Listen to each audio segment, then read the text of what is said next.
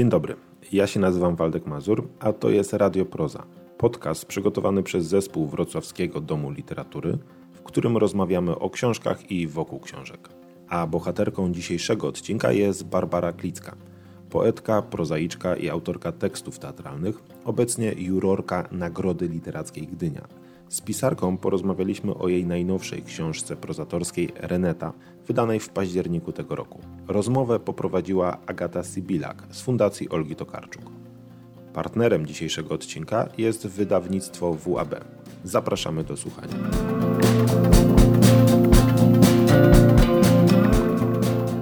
Dobry wieczór. Witamy Państwa bardzo serdecznie z Wrocławskiego Domu Literatury. E, ja się nazywam Agata Sibilak i mam e, wielką przyjemność poprowadzić spotkanie z Barbarą Klicką, e, poetką, prozaiczką, która właśnie wydała nową książkę pod tytułem Reneta. Dobry wieczór. wow! Bardzo dobrze z werwą. Chciałabym, żeby naszej rozmowie dzisiaj przyświecał cytat z twojej książki, tej właśnie, a jest to cytat Cała naprzód, Mira, na pełnej kurwie sympatyczności z empatią. Obiecuję, że tak właśnie zrobię. Wspaniale, bardzo się cieszę. E, jest tutaj kilka osób, które mm, przeczytały już tę książkę, to na pewno wiem, możemy je później odpytywać. E, ale mm, słyszałam, że jest to książka bardzo poetycka, a ja postawię teraz taką hipotezę i chciałabym, żebyś się do niej odniosła, że jest w tej książce bardzo dużo powietrza i nie jest ona poetycko gęsta. Hmm, nie, nie wiem. E, ja chyba nie stawiam sobie takich zadań, czy też stawiam sobie różne zadania, ale e, nie stawiam sobie zadania pod tytułem Niech moja proza będzie poetycko gęsta. E, nigdy nie pomyślałam o tym w ten sposób. Po prostu mam jakiś naturalny rodzaj myślenia w języku, czy jakiś naturalny rodzaj mm, konstruowania myśli w zdania. Y, który mnie prowadzi przez tę historię, więc y, chyba, chyba się nie zastanawiałam nad tym, czy, y, czy, mm, czy to jest gęste, czy to jest rzadkie. Mam takie poczucie, że Reneta wpuszcza, wpuszcza, bo mm, jest taki bardzo stary esej Gottfrieda Bena w tłumaczeniu Jakuba Ekiera. Cześć, i e, który nosi tytuł Kot i Księżyc. I w tym eseju jest cała taka duża e, rozkmina na temat odległości między słowami. Jak to zrobić, żeby kota i księżyc połączyć i żeby nie gubić tej przestrzeni między tymi dwoma rzeczownikami. To znaczy, żeby było, żeby dało się ją odczuć cały czas, tę przestrzeń, która dzieli e, te dwa obiekty w rzeczywistości. E, mi się bardzo podoba ten pomysł takich dużych przestrzeni. Też kojarzy mi się z, e, z taką anegdotą o jednym z fizyków, który biedny był, oszalał. To się fizykom ponoć często zdarza. Ja teraz uwaga, zdejmę szalik. No ale e, on oszalał i zaczął się obawiać, że wpadnie w, wiąza w wiązania międzyatomowe. To znaczy, że między e, atomem a atomem są wiązania i między tymi wiązaniami jest przestrzeń, w którą można to tak wpaść. jakby wpadł między te słowa. Tak. Gdzieś tam się zgubił i e, oszalał przez wypadek. tak. Więc, e, że, i chodził w rakach po domu ów fizyk, żeby nie wpaść w tę przestrzeń między, między atomami. Mnie by interesowała ta przestrzeń między słowem a słowem, e, między atomem a atomem. E, no, z tym, że jakoś chyba mam mniejsze potrzeby poczucia bezpieczeństwa i nie zakładam raków. Raczej daję tam Jeszcze. nura. tak. Jeszcze. Mówiłaś, że stawiasz sobie jakieś zadania. W takim razie jakie postawiłaś przy okazji Renety? E, myślę, że moim zadaniem było napisać o zmęczeniu. Mm, chciałam, żeby to była książka o zmęczeniu. I myślałam dużo o tym, co to jest jak opisać zmęczenie, tak? Nie e, wycieńczenie, które rzuca cię na łóżko i nie pozwala ci wstać, albo twoją bohaterkę rzuca na łóżko i nie pozwala jej wstać i potem możemy ją obserwować, jak e, ona tam leży i e, co się wydarza w jej głowie. Tylko o takim zmęczeniu, które jest szare, które nie jest spektakularne, które jest nagromadzeniem różnych bodźców, które, z których Mira w tym wypadku, ale z, z których w ogóle my się nie oczyszczamy i które nakładają się na nas jak warstwy i kumulują się w jakimś poczuciu właśnie takiego szarego, intensywnego zmęczenia.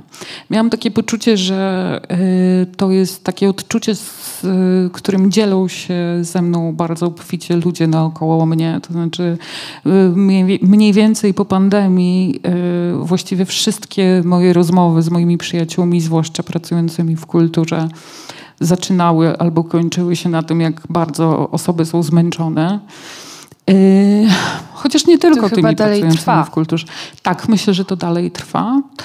I y, na przykład y, ten opis wydawcy, który jest zamieszczony na ostatniej stronie książki, który, w, gdzie jest napisane, że jest postapokaliptyczna ta książka, odnosi się między innymi do tego. Właśnie o to chciałam zapytać, o, o to, jak ta postapokalipsa e, przejawia się według ciebie w tej książce, ale właśnie tak jak powiedziałaś, może właśnie w tym zmęczeniu, które przychodzi po wszystkim, bo wiemy, że Mira em, przyjechała ze swojego drugiego domu do pierwszego, czyli gdzieś wróciła, e, żeby tam intensywnie zapominać, co jej się przydarzyło.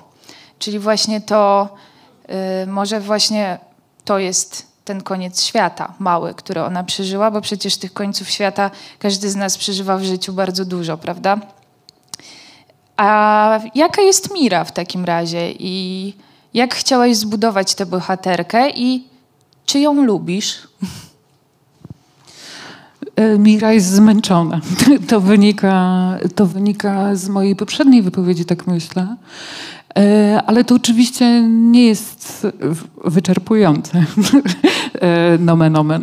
E, Mira jest zmęczona i Mira jest osobą, która mm, jakby rozpaczliwie usiłuje się zrekonstruować, ale trochę nie ma z czego, bo właściwie wszystko, co znajduje wokół siebie, to jest właśnie to zmęczenie, ten kurz, czy te jakby kolejne warstwy geologiczne e, jej e, przeszłych przygód, e, które same w sobie bywają komiczne, tragiczne, trywialne, e, ale nakładając się na siebie tworzą właśnie taką warstewkę, którą ona jest pokryta. A czy ja lubię Mirę?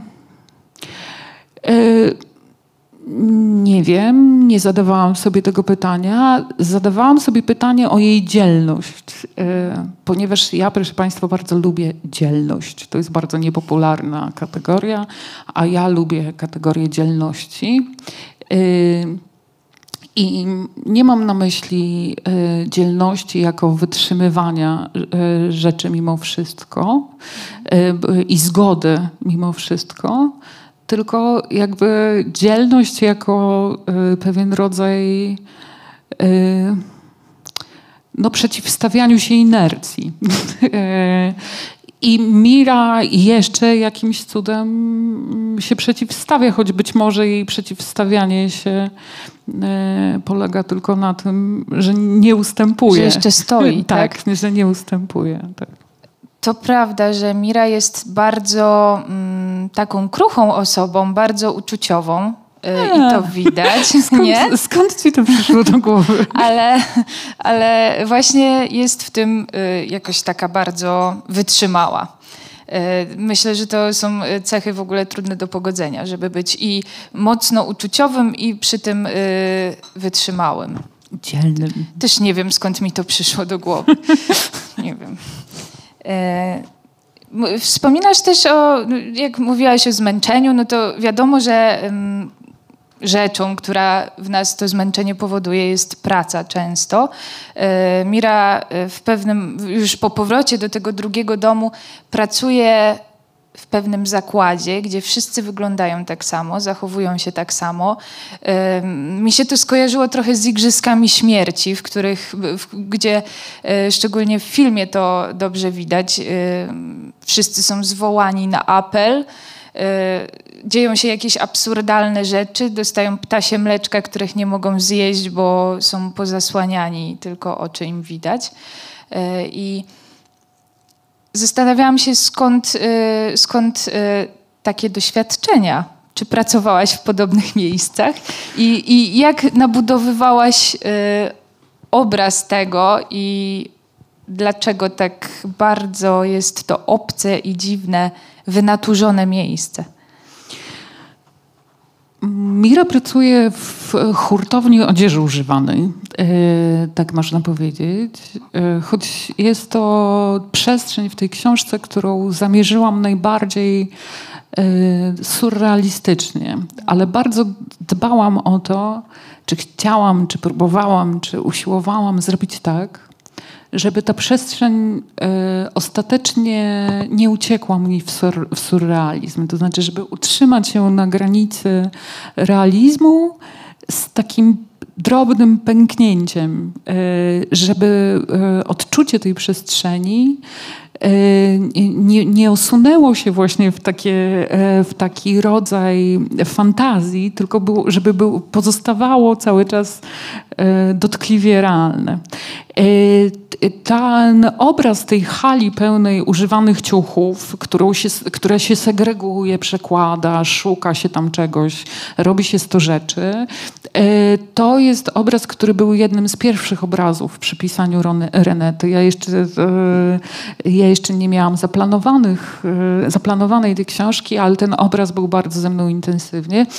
I to, że ci państwo wszyscy pracują tam w Drelichach, co ma swoje jakieś pseudoracjonalne wytłumaczenie, ale tak naprawdę właśnie są totalnie zunifikowani i właśnie pozbawieni płci, pozbawieni cech osobowościowych, pozbawieni tożsamości. To był jeden z pierwszych takich obrazów. Bardzo chciałam, żeby ta przestrzeń, ty mówisz o Igrzyskach Śmierci, ja nie czytałam książki, widziałam film. E, no, ja też tutaj myślałam o tym kadrze z filmu, bo tam jednak e, też jak czytałam Renetę, to widziałam to, co się dzieje w tej hurtowni, więc od razu przyszedł mi do głowy kadr z filmu, więc też do tego się odwołuję. Y, dla mnie takim punktem odniesienia tutaj y, był było Solaris, ale nie w sensie e, stylistyki lemowskiej, tylko takiego dziwnego tworu, który i żyje, i nie żyje. Jakby trudno określić jego status ontologiczny. Yy, trudno, trudno się dowiedzieć, czy to jest przestrzeń, która oddycha. U Lema są, jest takie pulsowanie tej planety, które mi się nieodmiennie kojarzyło zawsze z oddychaniem. Ale u Lema jest też w mojej ulubionej książce Lema w Niezwyciężonym jest e, inny organizm e, rojowy, to jest składa, złożony z, z ziarenek piasku, no czegoś, co ci kosmonauci identyfikują jako piasek, choć są to tak jak kwarcowe ziarenka i każdy z tych kwarcowych ziarenek jest samo w sobie zupełnie nieinteligentne, nie, nie, natomiast w roju one tworzą, tworzą żywe żywy, myślący organizm, śmiercionośny dosyć.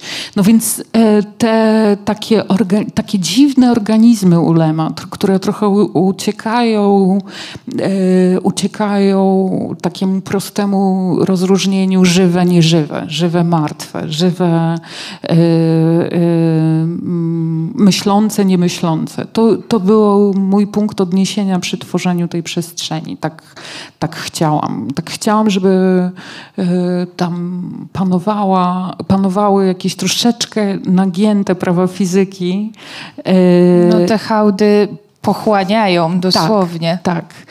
Y, ale, ale jednocześnie, żeby to ugięcie tych praw fizyki było trochę niejasne i samo w sobie tajemnicze. Wspomniałaś o tym, że to była pierwsza myśl przy pisaniu Renety.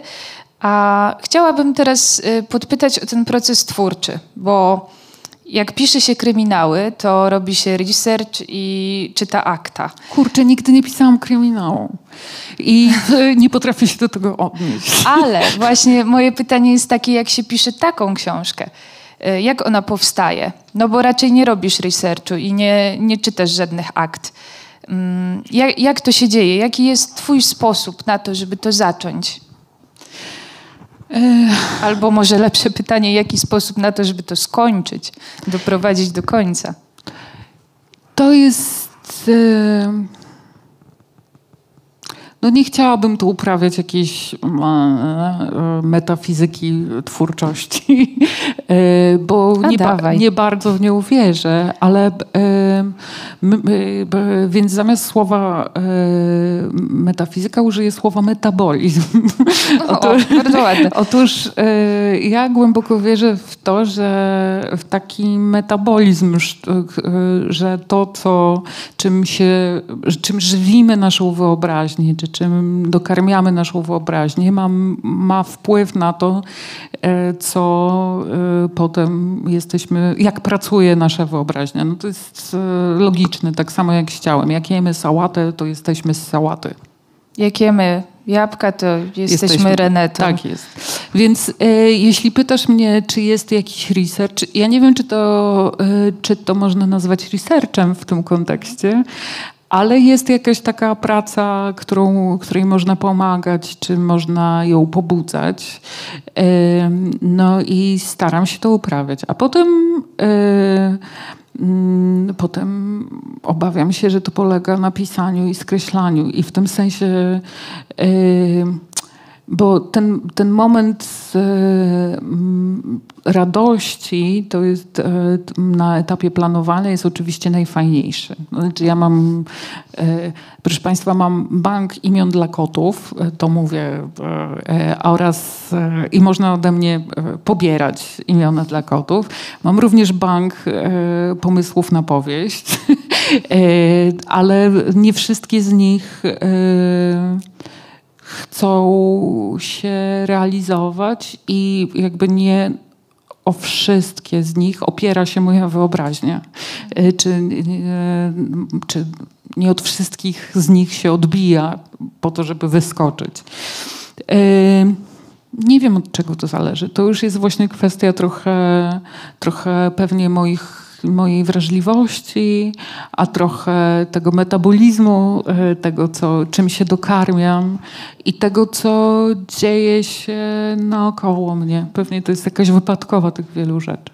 A co jest pierwsze? Zapiski do, y, do książki, czy myśl o książce?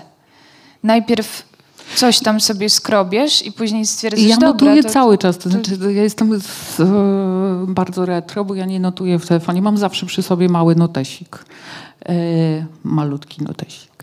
I e, notuję w nim różne rzeczy i nigdy nie wiem, do czego one mi się przydadzą. I w ogóle w momencie ich notowania w ogóle mnie to nie interesuje, bo e, interesuje mnie bardziej to, na co patrzę, niż to, do czego to wykorzystam.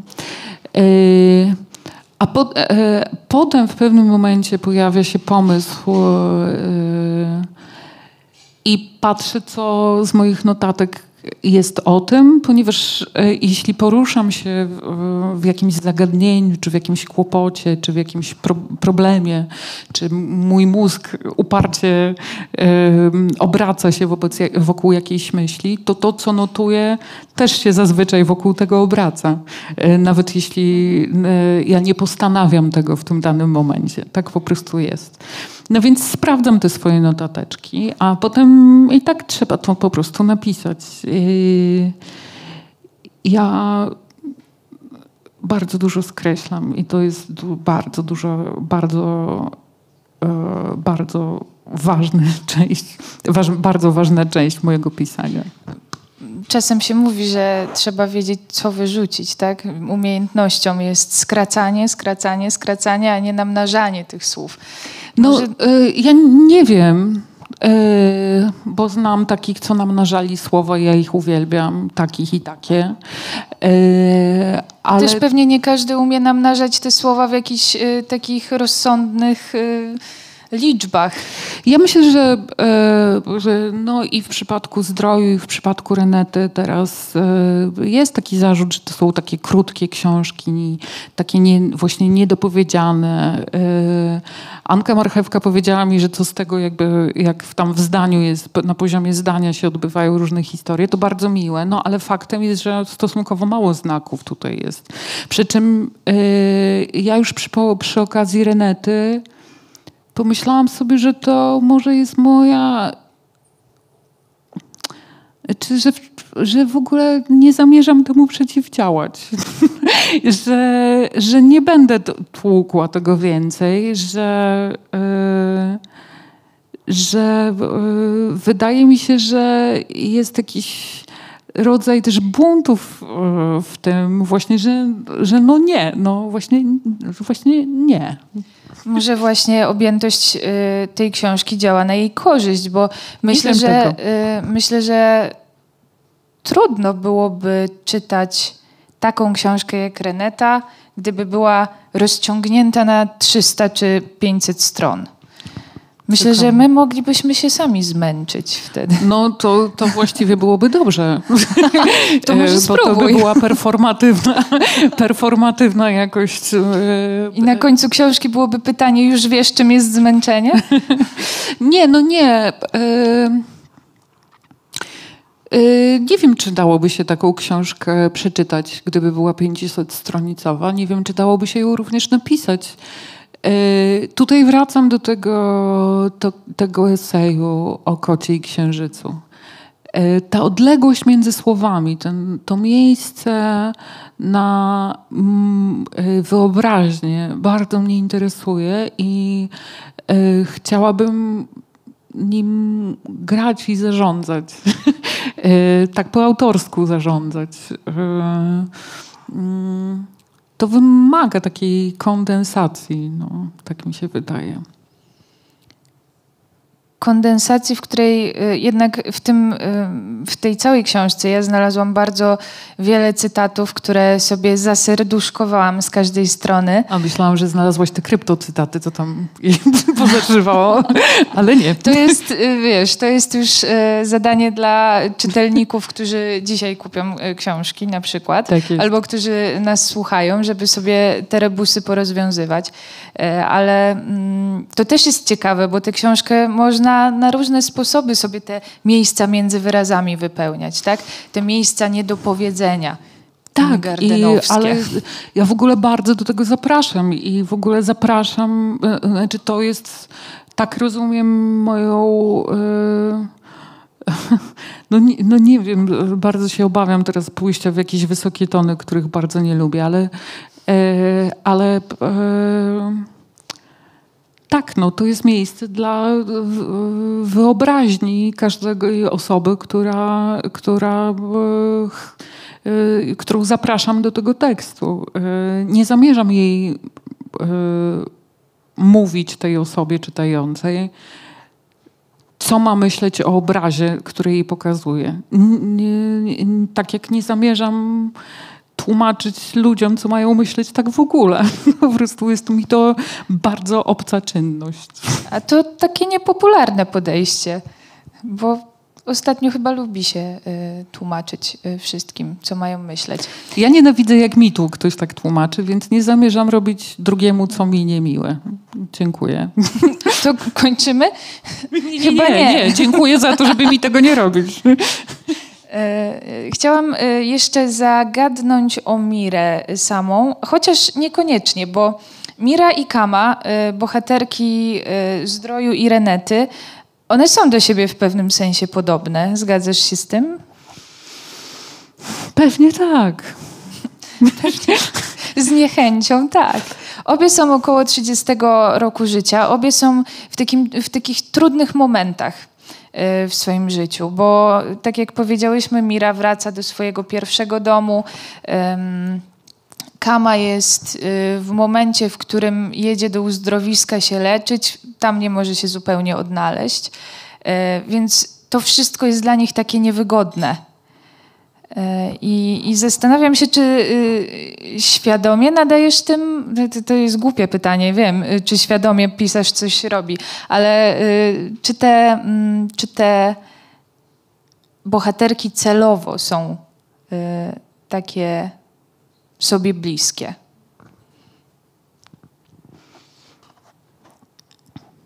Nie. Koniec. Przepraszam, nie, nie, no, e, bo nie, nie, jestem, e, nie jestem pewna, czy one są takie do siebie podobne. To znaczy w tym sensie, w jakim Kama e, była... Mm, to w recepcji zdrowiu bardzo często się pojawiało, że Kama jest taką Iwoną, Gombrowiczowską Iwoną, że daje daje siebie przesuwać po planszy jak pionek, jakby y, zamiast wyrażać sprzeciw, to myśli sprzeciw, a wyraża zgodę i tak dalej. Ja się bardzo nie zgadzam z tymi uwagami, dlatego że one wynikają moim zdaniem e, z niezrozumienia sytuacji e, leczenia, na które po prostu trzeba się zgodzić. Czy to, że cię coś boli e, w procesie leczenia, to nie jest powód, żeby oprotestowywać to.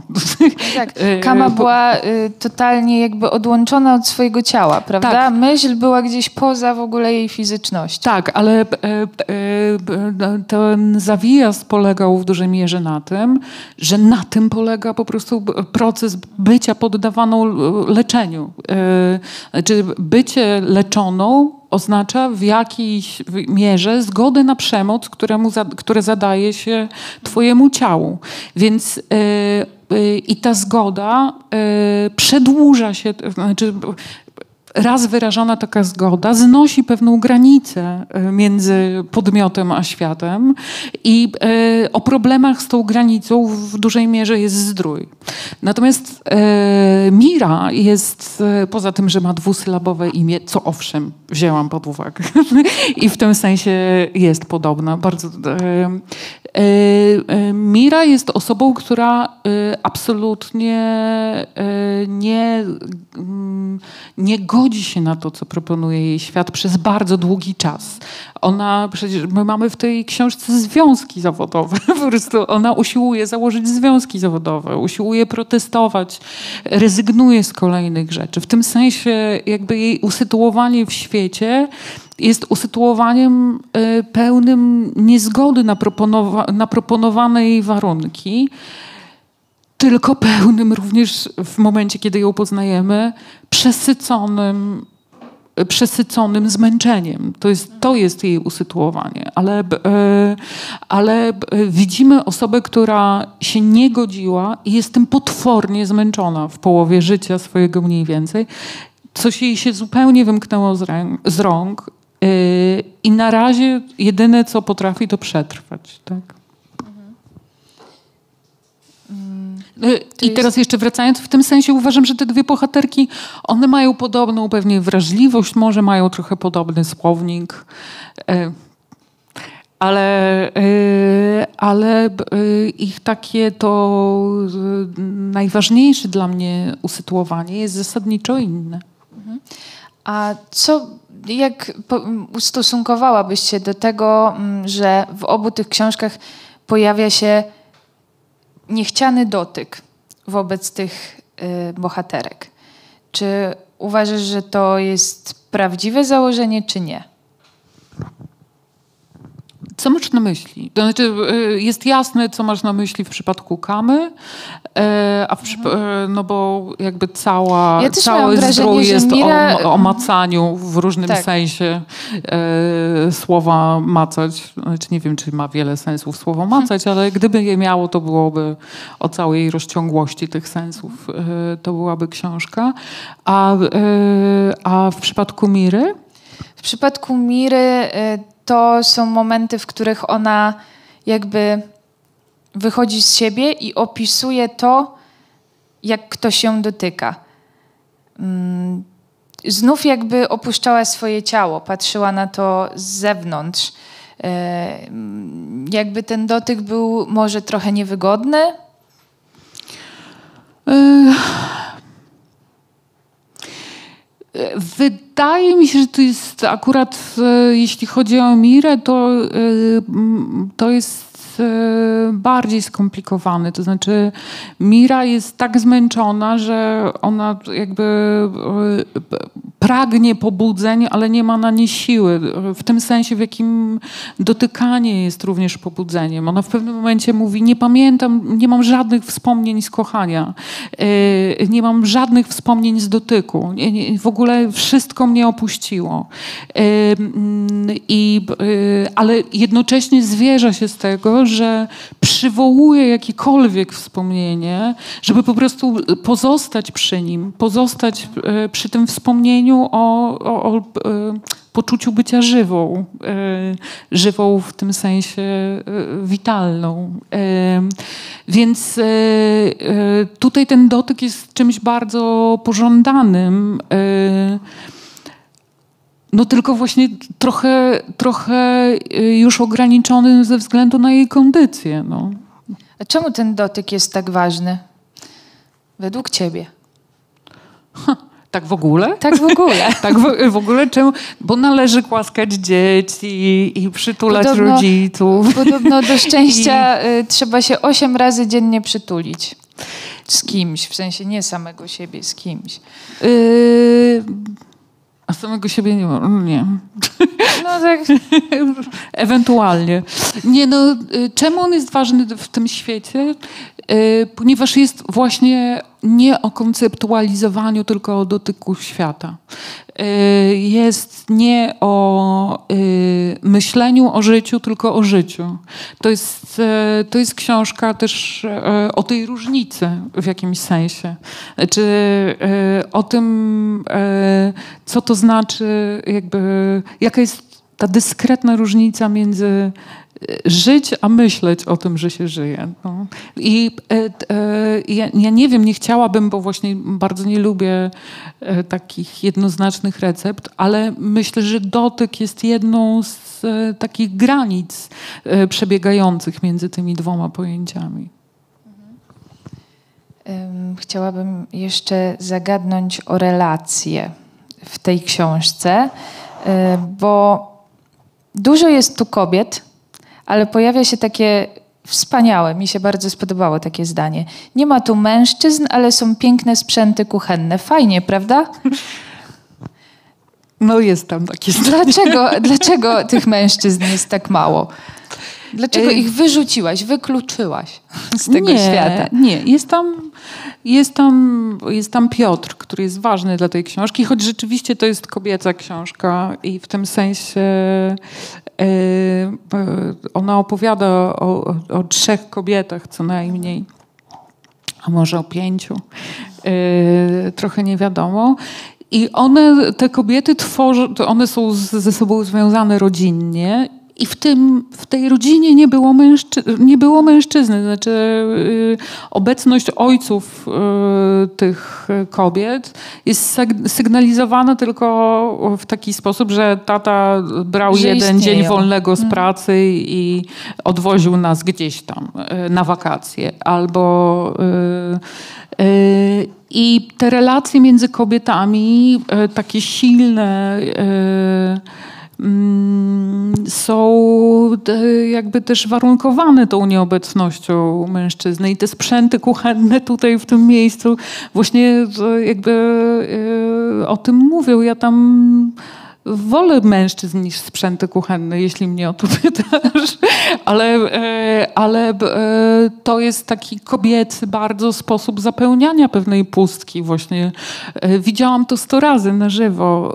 Układanie, wypełnianie, kupowanie, tkanie takiej codzienności bardzo na tyle intensywnie, żeby nie zauważyć braku i kwiaty, zapełnianie przestrzeni e, kwiatami, w tym przypadku kaktusami, które nie są zbyt przychylne, prawda? Tym bardziej jak Mira e, przyjeżdża e, do Anki, do tego swojego pierwszego domu, mieszka w pokoju pełnym kaktusów. Od razu czujemy takie. Chyba niekoniecznie od razu jest jej tam dobrze, a tak. te kaktusy jeszcze wyglądają tak, jakby miały podniesione ręce. Tak, no e, kaktusy, które były kolekcją jej ciotki, do której należał ten dom. Yy, tak, i to jest jedna właśnie z tych, yy, jeden z tych wypełniaczy, o których była mowa, to słusznie zauważyłaś. Anka Marchewka też powiedziała o tym, że kaktusy są pełne wody, czyli czegoś życio, życiodajnego i takiego pulsującego w sumie i są takim, yy, no, takim przetrwalnikiem. magazynem. magazynem życia. magazynem życia, który, który z wierzchu tylko jest jakiś taki bardzo groźny, a być może w środku właśnie jest no, takim, takim magazynkiem. To, to może też jest e, e, ciekawa dwuznaczność w kontekście tego miejsca do życia Miry. To też ciekawa perspektywa, bo tutaj mówisz o magazynowaniu y, życia, a ja pierwsze co pomyślałam to o tych kolcach i o tym, że to nieprzyjemne. jest. Myślę, że to zależy od nastawienia do życia człowieka. Tak, to prawda. prostu. Więc y, może, może Mirę dlatego przerażały te kaktusy, że nie były, nie, nie patrzyła na nie Tak, z, no tej, ale też z może... tej strony życia. Tak, tak. Też być może, też być może cała ta sceneria i ten sad, i ten, te kaktusy i w ogóle e, one za, e, zawierają w sobie więcej życia niż wydaje się na pierwszy rzut oka. No bo ten stary sad, w którym jest ten dom, no to jest, e, można powiedzieć, to jest stary sad obmierający, ale to też jest wolny sad. E, to też jest sad, który nie podlega, e, nie podlega takim przemysłowym, e, e, produk- przemysłowej produkcji. Tak, E, jabłka mają piegi i tak, tak, różne dokładnie, takie znamiona. dokładnie. Tak? Podobnie z tymi kaktusami, to znaczy tam tych elementów takiej podwójności, właśnie tego, że coś e, nie wygląda e, na, przyjaźnie, ale być może niesie w sobie e, no, jakiś magazynek wody czy życia. E, Starałam się umieścić co najmniej kilka. To warto dać im szansę jednak. A mm, jesteś laureatką wielu mm, nagród literackich. Chciałam zerwać z tą. Chcia- To jest ja teraz ten moment. Tylko dwóch. Czy dwa to wiele? Ale dwie, dwie ale jakie no? Dobrze, nie, to No. bardzo ważne nagrody. To bardzo, to bardzo fajowe nagrody. Jedna i druga wspaniała. E, właśnie, dziękuję. to, e, sam, ale sama również oceniasz e, inne książki i zastanawiam się, czego szukasz u innych i czy zazdrościsz im czegoś? Ja się zachwycam literaturą. Staram się bardzo. Więc e, staram się nie zazdrościć. Oczywiście są takie momenty, kiedy coś mi e, odbiera dech w piersiach z zachwytu i, i wtedy, ale to wtedy raczej się cieszę, że, e, że mogę temu pomóc i mogę, e, mogę jakoś, no nie wiem, pomóc. No nie wiem, czy ja mogę pomóc, ale e, że mogę coś zrobić, że mam jakieś takie miejsce, które, e, które, które sprawia, że, e, że, że mój głos może się komuś do czegoś przydać. E, To jest, to jest wspaniałe. A jak oceniam? No, oceniam tak, jak czytam. Znaczy, Ja nie, ja nie, nie mam żadnych innych kryteriów poza moją, moimi kryteriami czytelniczymi. E, Po prostu staram się najuczciwiej, jak to możliwe, i z otwartą głową, wnikliwiej czytać. E, I no, w tym sensie nie mam do dyspozycji nic innego niż e, moje doświadczenie i mój gust czytelniczy. I w, i w tym sensie nigdy nie powiedziałabym, że mam jakąś rację. Mam tylko swój gust czytelniczy. Tak. I czucie czytelnicze. No to ja to wsadzam w gust. Okej, dobrze.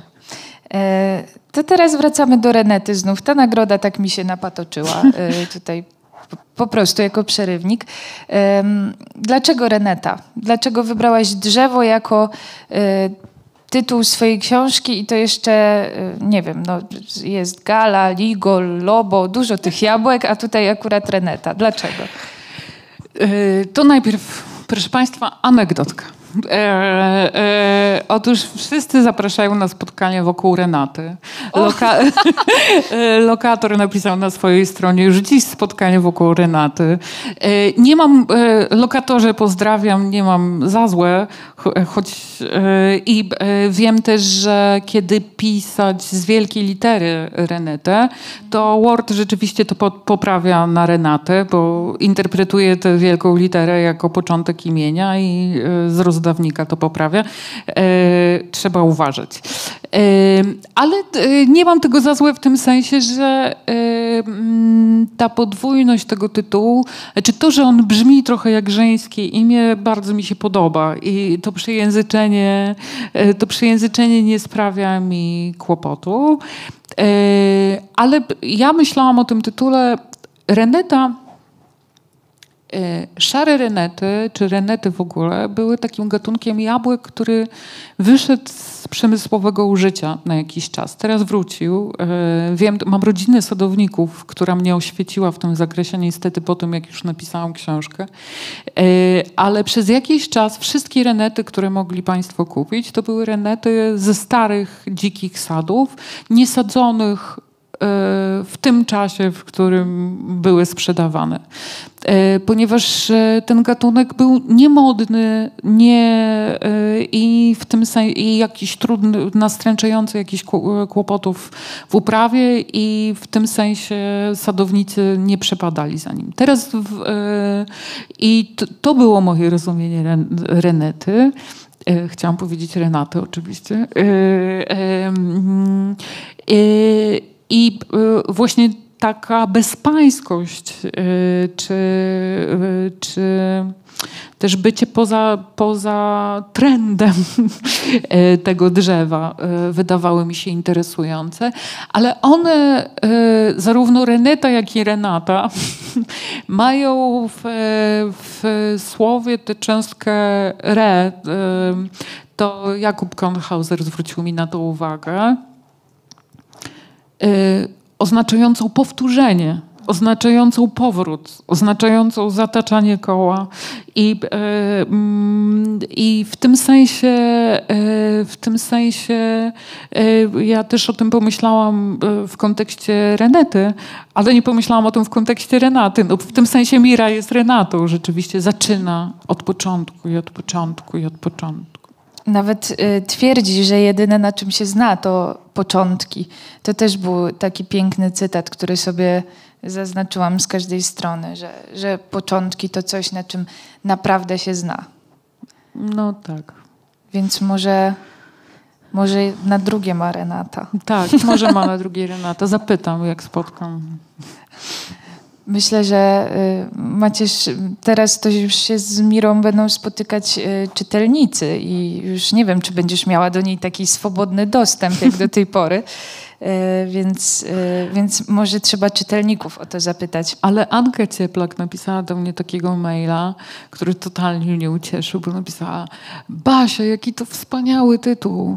E, taka żeńska postać w centrum. Piękna ta Renata. e, to było wspaniałe. E, tak. Ja napisałam Aniu, Reneta. On mówi też fajnie, też fajnie. Też piękne, też piękne w centrum. Tak. E, Mi się bardzo podobało to, że mm, Mira mm, znajduje oparcie w tej Renecie, prawda? tak. E, To jest takie jej miejsce.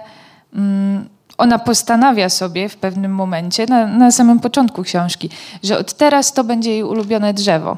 I zawsze To pod też- tym drzewem odpoczywa. To, tak. to, to takie momenty, które przytulają w tej książce. No to jest ciekawe, jak e, właśnie ten, ten moment wydawał mi się interesujący, że ona, że to nie jest tak, że ona, nie wiem co, czuje jakąś specjalną miętę do tego drzewa. Ona po prostu postanawia. Postanowiła. E, I ten akt woli e, e, tutaj wydaje mi się najistotniejszy. I tak, no to jest taka w zdroju Kama i Piotr spotykali się na półpiętrze, czyli w jakiejś takiej przestrzeni między, piętr, między męskim a żeńskim, między zdrowiem a chorobą, w jakimś takim dziwnym miejscu. A y, mm, ta Reneta też jest takim y, między domem, to znaczy ani domem, ani Przed pracą. domiem. Przed domiem, y, takim półpiętrem, to znaczy właśnie ani domem, ani pracą, jakąś inną przestrzenią, takim, chciałam, żeby ona była takim właśnie miejscem zawieszenia, jak, jak to półpiętro zdrojowe. No i to jest y, miejsce też y, takie zupełnie czyste, prawda? I od przeszłości, i od teraźniejszości, bo ona sobie spod tego drzewa patrzy na dom, y, na ten swój pierwszy dom, do którego wróciła z różnych powodów, których nie znamy. A szkoda. Nie no, wróciła, bo wybuchło. No, wybuchło. Ale właśnie, co? E, No jest jedna życie. bomba w tej książce. Życie. Nie, no jest bomba w tej książce. No tak, tak, to prawda. To prawda. Mm, A jak twoje, y, jak twoje życie w teatrze teraz wygląda? I czy ono na co dzień wpływa na twoje pisanie? E, Ja teraz e, bywam w teatrze, mm, e, ale e, nie pracuję w teatrze ostatnio. E, Ostatnia mo- moja praca w teatrze e, to było kierownictwo literackie w Teatrze Studia w Warszawie. E, nie pamiętam już chyba jakiś rok temu. No ale teraz pracuję w e, czasopiśmie o dramaturgii współczesnej dialog, e, które ostatnio z powodów e, pozamerytorycznych, powiedziałabym głęboko pozamerytorycznych, zajmuje się mm, no, w małym stopniu dramaturgią współczesną. E, Raczej dramatem współczesności się zajmuję, tak bym powiedziała. E, e, Ale, e, ale tak, no, tam pracuję. I chwilowo da, dawno nic w teatrze nie robiłam, a nawet ostatnio pomyślałam, że chętnie bym zrobiła. E, Masz już jakiś pomysł na to, co, co by to było? ja jestem umówiona z Jagodą Szelc na Piotrusia Lip, Lips, według Lipskiego w teatrze. I y, tylko i ten Piotruś z Jagodą jest wpisany do programu zwycięskiego, zwycięskiej dyrekcji TR-u, więc on się wydarzy, tylko dokładnie nie wiem kiedy. Y, I mamy go wstępnie pomyślanego, ale mm, no nie wiem, dawno nie gadałam z kolektywem dyrektorskim TR-u, ale, e, e, ale bardzo, bardzo mnie ta współpraca kręci. No i ja zawsze, zawsze, e, nie wiem, Piotr na pewno tego nie ogląda, więc mogę to mówić swobodnie.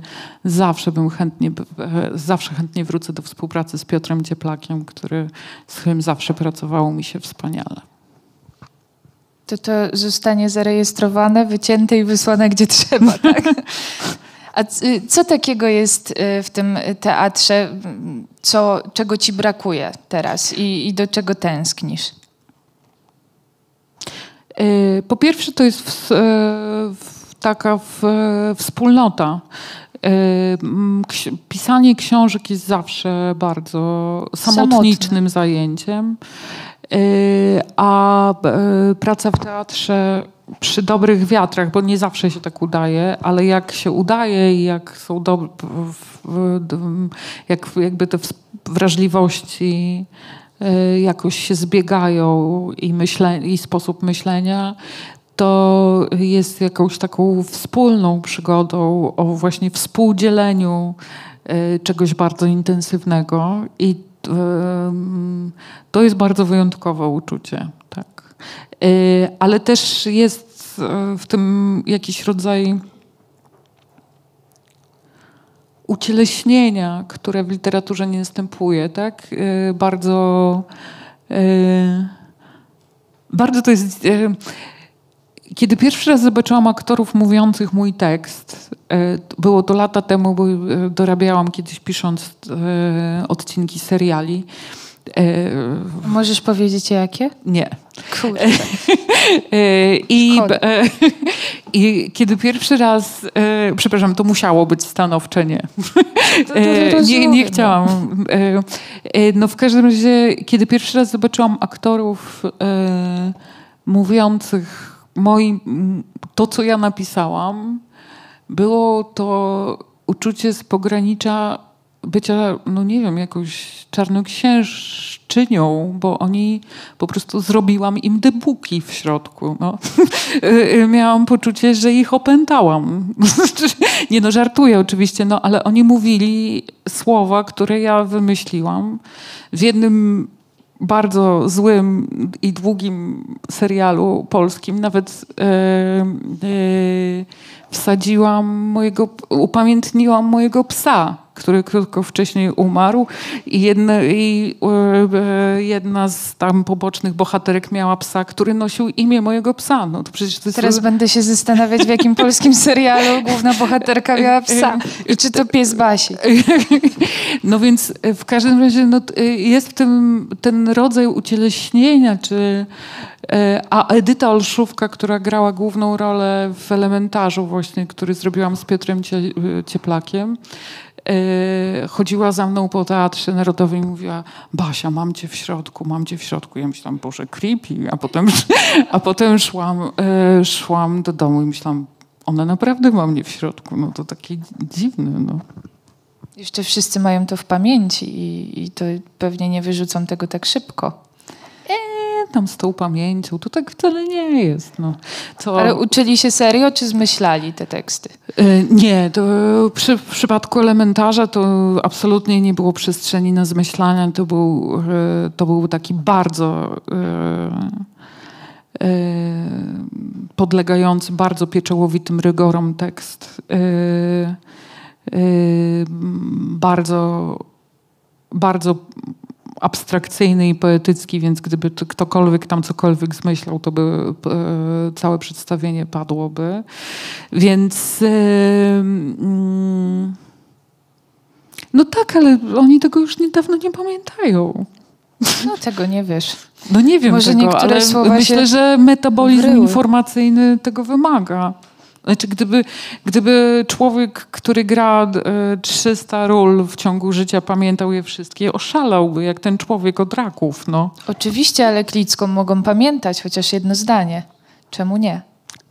Jedno to i ja pamiętam na przykład. Ale chociaż nie, nawet... No. Zastanawiałam się, czy zrobić e, taki quiz, żeby na wyrywki czytać e, zdania ze zdroju i z Renety, żebyś przyporządkowała, które jest z której książki. Umiałabym na pewno. No widzisz, to znasz więcej niż jedno zdanie. Ale nie powiedziałabym go. E, Rozpoznałabym je. To, Okej. jest, to są dwie różne rzeczy. Tak. Okej. Czy mamy jakieś pytania od naszej publiczności? Bardzo miło. Tam. Proszę bardzo. Witaj, kabino. Mia- Miałabym pytanie, gdyby mikrofon działał. E, Basiu, ja sobie zdaję sprawę, że to jest trochę absurdalne pytanie do zadania poetce i z góry cię za to przepraszam, ale chciałam cię spytać, na ile ty pisząc prozę i skreślając, e, to wszystko słyszysz? A to pytanie wynika z dwóch kwestii. Po pierwsze z tego, że mi ta książka stawiała opór, ale w dobrym sensie. I teraz jak mówisz o zmęczeniu, to mi się to jeszcze bardziej wszystko składa w całość. W sensie człowiek sobie bierze taką renetę i sobie myśli, o 110 stron, spoko, pójdzie szybko, e, ale potem musi się poddać temu rytmowi, tej kadencji. E, Absolutnie e, twoja proza nie pozwala się wyprzedzić. E, A drugi powód jest taki, i to jest trochę insiderskie, mam nadzieję, że mi wybaczysz. Rozmawiałam ostatnio z twoją redaktorką o pracy nad tekstem z tobą i ona powiedziała, że ty jesteś w stanie obronić każdego zdania, e, czytając je na głos, e, każdego przecinka wręcz. Więc zastanawiam się, na ile ten głos, na ile ty to wszystko właśnie słyszysz już, już przy pisaniu. Słyszę bardzo. Y, Jak nie słyszę, to, znaczy, to skreślam. Y, To jest, to jest bardzo serio odpowiedź, bo jest to dla mnie bardzo serio stawka. Y, I mm, czy nie chcę teraz powiedzieć czegoś w rodzaju e, pisanie to srali, mali, coś tam, coś tam. Ale dla mnie, jakby moj, moją stawkę rozgrywam gdzieś między graniem na znaczeniu, a graniem na dźwięku, bo to jest właśnie to, co to jedyna możliwość ucieleśnienia, to znaczy ja tak rozumiem materialność tekstu literackiego, który, znaczy tekst artystyczny rozumiem w taki sposób, że on się materializuje, wystaje z kartki, a żeby to zrobić, żeby to zrobić, to trzeba nadać mu e, na różne sposoby można to robić, ale mi najbliższa jest ta droga dźwięku. Ten materialny wymiar, który sprawia, że on oddziaływuje na nas nie tylko tędy y, i y, nie tylko intelektualnie, nie tylko emocjonalnie, ale również zmysłowo w tym, y, w tym głębokim sensie. Te trzy wartości są dla mnie stawką i rozgrywanie ich w takim, w takim zakresie, jak to, w najintensywniejszym zakresie, jak to jest możliwe, no tak. Nie wiem, mam nadzieję, że ci odpowiedziałam. Ktoś jeszcze?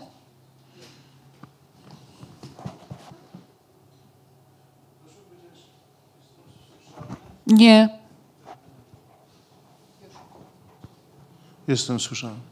Właśnie powiedziałeś coś, co mnie zafrapowało. Y, trzy bohaterki albo pięć. nie, nie wdając się w szczególne dywagacje na temat liczby bohaterek, bo jestem przed lekturą. Nie chcąc rozstrzygać, czy to jest następna powieść, która nie spełni moich epickich oczekiwań. Nie spełni.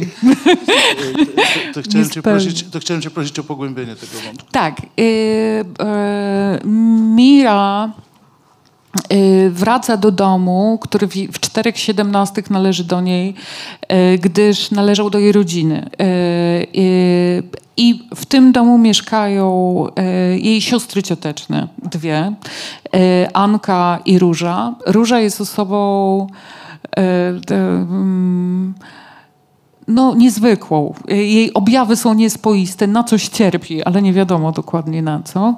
E, Anka jest osobą, która się nie rusza właściwie, bo jest opiekunką e, róży i to jest jej cała życiowa rola. E, natomiast w tle są ich matki, które były siostrami. E, w tym sensie one są, które obie już nie żyją, e, ale w tym sensie one są trzy, ale jest ich pięć. Mm, pięć kobiet, które jakoś tam czuwają nad tym domem.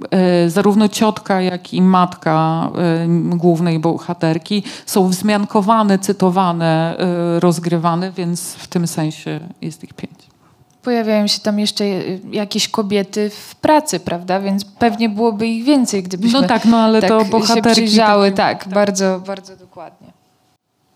Są też pytania z internetu i niejaka, niejaka Karpienko Jana Karpienko Jana pyta, czy jest to książka jesienno-melancholijna, trochę tak muzycznie. I to pytanie myślę, że ważne, czy daje nadzieję. Y, pisałam tę książkę, y, kończyłam pisać ją u mojej przyjaciółki, która ma taki mały domek w górach.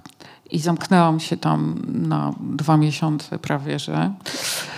Y, I Joanna przyjechała odebrać mi ten domek chyba, zwindykować ten domek. I była moją pierwszą czytelniczką i powiedziała no i co, ale co? No tak mm, nie ma dla nas nadziei. E, no i ja nie wiem, to znaczy ta, te ostatnie słowa, to, to nie jest specjalnie wesoła książka, tak mi się wydaje. E, ale też nie chciałabym parować w takiej opozycji wesołe, smutne. Ona jest raczej właśnie o zmęczeniu i ma budzić zmęczenie też w jakimś sensie, zmysłowe zmęczenie. Więc w tym sensie opowiada o, o, o pewnym trudnym stanie. Natomiast cały ten tak, taki, mom, taki moment otwarcia, jest taki moment otwarcia na koniec, mam wrażenie, takiego właśnie nabrania oddechu, takiego jakiegoś miejsca, w którym Mira się jakby wygląda na to, że jakby e, uzyskuje trochę dostępu do tego życia, czyli jakby ugrywa sobie jakąś małą staweczkę. Natomiast no, nie polecałabym tej książki jako wesołej lektury. No nie, nie wiem, może inni czytelnicy mają inne zdanie. No. Wiedzą Państwo, muszę anegdotę. Otóż Zdrój e, e, Był wesoły, no. E, bo, no nie, nie No był nie. wesoły, ale on bardzo, e, bardzo e, wygrał sprzedażowo na tym, że równolegle ze z książką Zdrój pojawiła się w telewizji polskiej taki reality show coś tam Sanatorium Miłości.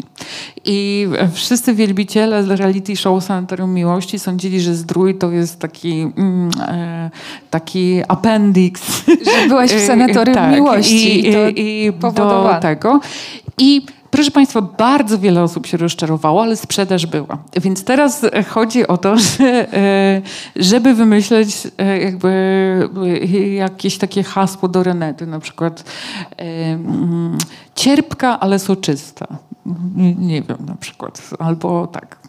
No, e, A to może Smakuje smak dla wybrednych. Albo nasza coś z rolnikami może. Może Coś z rolnikami. No dobrze. Już no. jest taki program, ale nie wiem, czy chcemy go przywoływać tutaj z tymi rolnikami.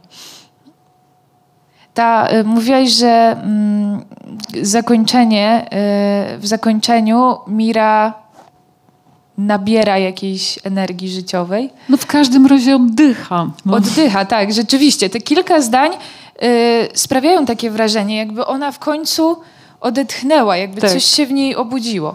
Ale rzeczywiście, no, wesoła książka to to nie jest. A czy kiedyś napiszesz wesołą? Ja, jak Państwo widzą, jestem bardzo wesołą osobą, więc nigdy nic nie wiadomo. Nie, no nie wiem. Ja po prostu e, staram się bardzo pisać z takiego. e, miejsca, w, e, przepraszam, to znowu musi zabrzmieć. No, e, nie powiem w miejsce wolności, bo by, chyba bym sobie odgryzła język, ale miejsca swobody powiem we mnie, w której, e, w, z którego nic nie wiadomo i wszystko jest możliwe. E, więc w tym sensie nie wiem, zobaczymy, e, zobaczymy jak będzie. To ciekawie mają te wszystkie basie razem. Tak, takie to sprawia wrażenie. Wiesz, że przeczytałam w tej książce jedno z najdłuższych zdań od bardzo, bardzo dawna. Wiesz, ile ma linijek? Wiem, że jest tam jedno zdanie, które jest na całą stronę. Nawet więcej. 30 linijek, dokładnie. Aż No, policzyłam. Chciałam policzyć słowa, ale stwierdziłam, że już nie będę taka drobiazgowa. Ale to było coś. Prze, przewracała, przepraszam, przewracałam i mówiłam, nie, to jest niemożliwe, tu naprawdę nie ma kropki. Och, Bernhard potrafił po prostu chyba w, na, na trzy strony zdanie potrafił. Wszystko przed tobą. Tak. Czy mamy jeszcze jakieś pytania z internetu czy z sali? Z internetu chyba już nie ma, ale z sali myślę, że jeszcze się znajdą. I Basiu, ty od dwóch lat, jeżeli dobrze liczę, jesteś jurorką jednej z tych nagród, które, tych fajnych, e, które dostałaś, czyli Nagrody Literackiej Gdynia. E, I tak się zastanawiam, e, jak to wpływa na ciebie jako pisarkę w związku z tym, że ty, kurde, musisz czytać bardzo dużo książek, po które najpewniej wcześniej byś, inaczej byś nie- nie sięgała. I to jest twórcze, taki proces dla osoby piszącej, że musi czytać literaturę. Przypomnijmy, Gdynia to jest esej, to jest, są tłumaczenia, to jest poezja, to jest proza. Bardzo duży rozstrzał, ale też bardzo dużo po prostu e, znaków do przeczytania. Po tych dwóch latach widzisz, że jako pisarce robi ci to dobrze, że masz róż, taką różnorodność, czy może jednak jest przesyt i jesteś po prostu zmęczona literaturą? Nie, ja nie jestem zmęczona literaturą, to na pewno. Yy, Ja.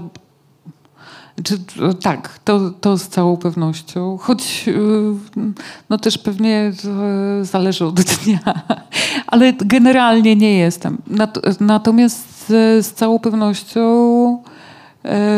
Gdynia jest bardzo obciążającym obowiązkiem, yy, bo to jest y, niesłychanie dużo pracy. W tym roku y, jakoś dogadaliśmy się z organizatorami nagrody w taki sposób, że y, będziemy mieć więcej czasu na, na przeczytanie książek. Jest krótszy termin nadsyłania, wcześniej, wcześniej będziemy mieć komplet i to jest bardzo dobrze, no bo nie trzeba będzie zarywać nocy. E, e, a, albo mniej.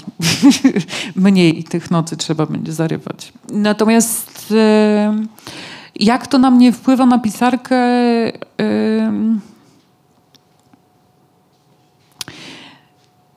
No, waham się, bo pewnie i dobrze, i źle. To znaczy, y, dobrze w tym sensie, że docieram do książek, do których być może nie dotarłabym.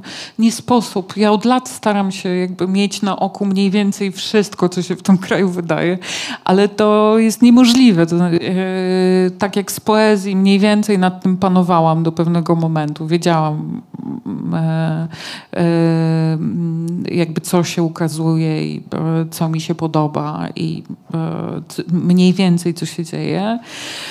E, Tak, e, no, no na przykład e, przekłady, nie, nie, to, to nie jest coś, w czym orientowałam się tak e, dobrze, jak orientuję się w tej chwili, znaczy w bieżącej produkcji. E, I, mm, ja też nie jestem przekłado- przekładoznawczynią, ani sama nie przekładam. E, W moim jury są ludzie o, o wiele bardziej kompe- kompetentni akurat w sprawach przekładów, co nie znaczy, że ja ich nie czytam. No więc w tym sensie mogę znaleźć mm, tak zwaną perełkę w kaszance, którą bym e, e, przeoczyła w wielu innych przypadkach. I to jest oczywiście dla mojego pisarstwa świetnie, e, bo jeśli odnajdę taką e, tę perłę czy diament w tej kaszance, to będę się mogła nim napawać, cieszyć, inspirować, robić z nim chocki, klocki i w ogóle trzymać pod poduszką i to będzie zawsze wspaniałe. A czy źle? No, no tak, no źle e, też w takim sensie, w jakim to jest a bardzo uciążliwy obowiązek, w sensie uciążliwy w tym sensie, że bardzo duży, no, e, w tym sensie uciążliwy. A B e, mm, no, wyobrażam sobie, że y, w takiej intensywności istnieje ryzyko zainfekowania się jakimiś językami. Przy czym ja myślę, że tak naprawdę nie infekujemy się językami czy wyobraźnią czyjąś, y, kiedy czytamy dużo, tylko raczej kiedy y, jakiś aut, y, jakiegoś konkretnego autora. To znaczy są na przykład, ja mam taką listę autorów, których nie czytam, choć ich uwielbiam, uwielbiam kiedy sama to jest? piszę. Y, y, Na przykład Bernharda nie wolno czytać, kiedy y, samemu się pisze. Na przykład Gombrowicza uważam nie wolno czytać, ponieważ cała proza polska pachnie Gombrowiczem. Czy nie cała, ale bardzo duża część prozy polskiej pachnie Gombrowiczem. Jest pewien rodzaj melodii, którą, którą łatwo zainfekować osobie, y, i, i, y, ale to nie zależy od ilości książek, które czytasz, tylko od intensywności. To jest od tego blumowskiego y, silnego bycia silnym poetą. Ci silni poeci potrafią cię zainfekować. No więc nie wiem, czy odpowiedziałam wyczerpująco na twoje pytanie, znaczy, bo, bo, bo e, ja tu zachowuję pewną ambiwalencję. Mam taką fantazję, że ja nie będę siedzieć w Gdyni latami Yy, i zobaczymy, co się stanie, jak sobie stamtąd pójdę. Jurek Jareniewicz też tak mówił. E, Okej, jesteś poetką, która zaczęła pisać prozę. I teraz pytanie, widzę, prozę już piszesz, masz dwie książki, czy jeszcze, ty, może się wkurzyć za to pytanie, doczekamy się Barbary Klickiej, autorki powieści? Nie. A dlaczego? No, albo nie, albo nie, nie, tylko po prostu powtórzę, piszę z miejsca absolutnej swobody. Jak przyjdzie mi do głowy napisać powieść taką e, taką Wesołą.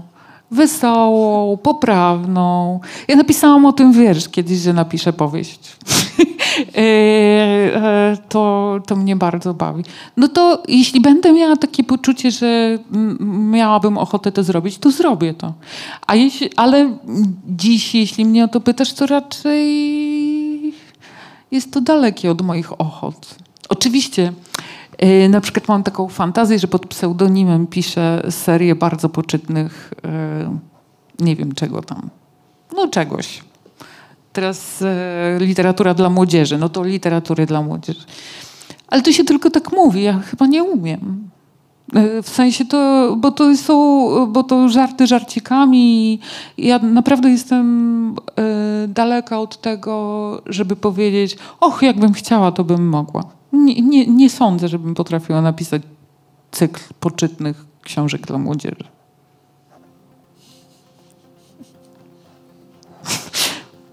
I, czy zostajemy z tą myślą? Chyba tak. Dobrze. Zgadzasz się? Możesz jeszcze zakończyć w inny sposób. Zostawić państwa z inną myślą, ale Nie, może możemy- po prostu możemy- będziemy czekać na tę swobodę, Tak, tak. bo chyba to jest bardzo piękne w tych książkach, ta swoboda właśnie. Bardzo dziękuję państwu i tobie, Basiu. Barbara Klicka. Dziękuję bardzo.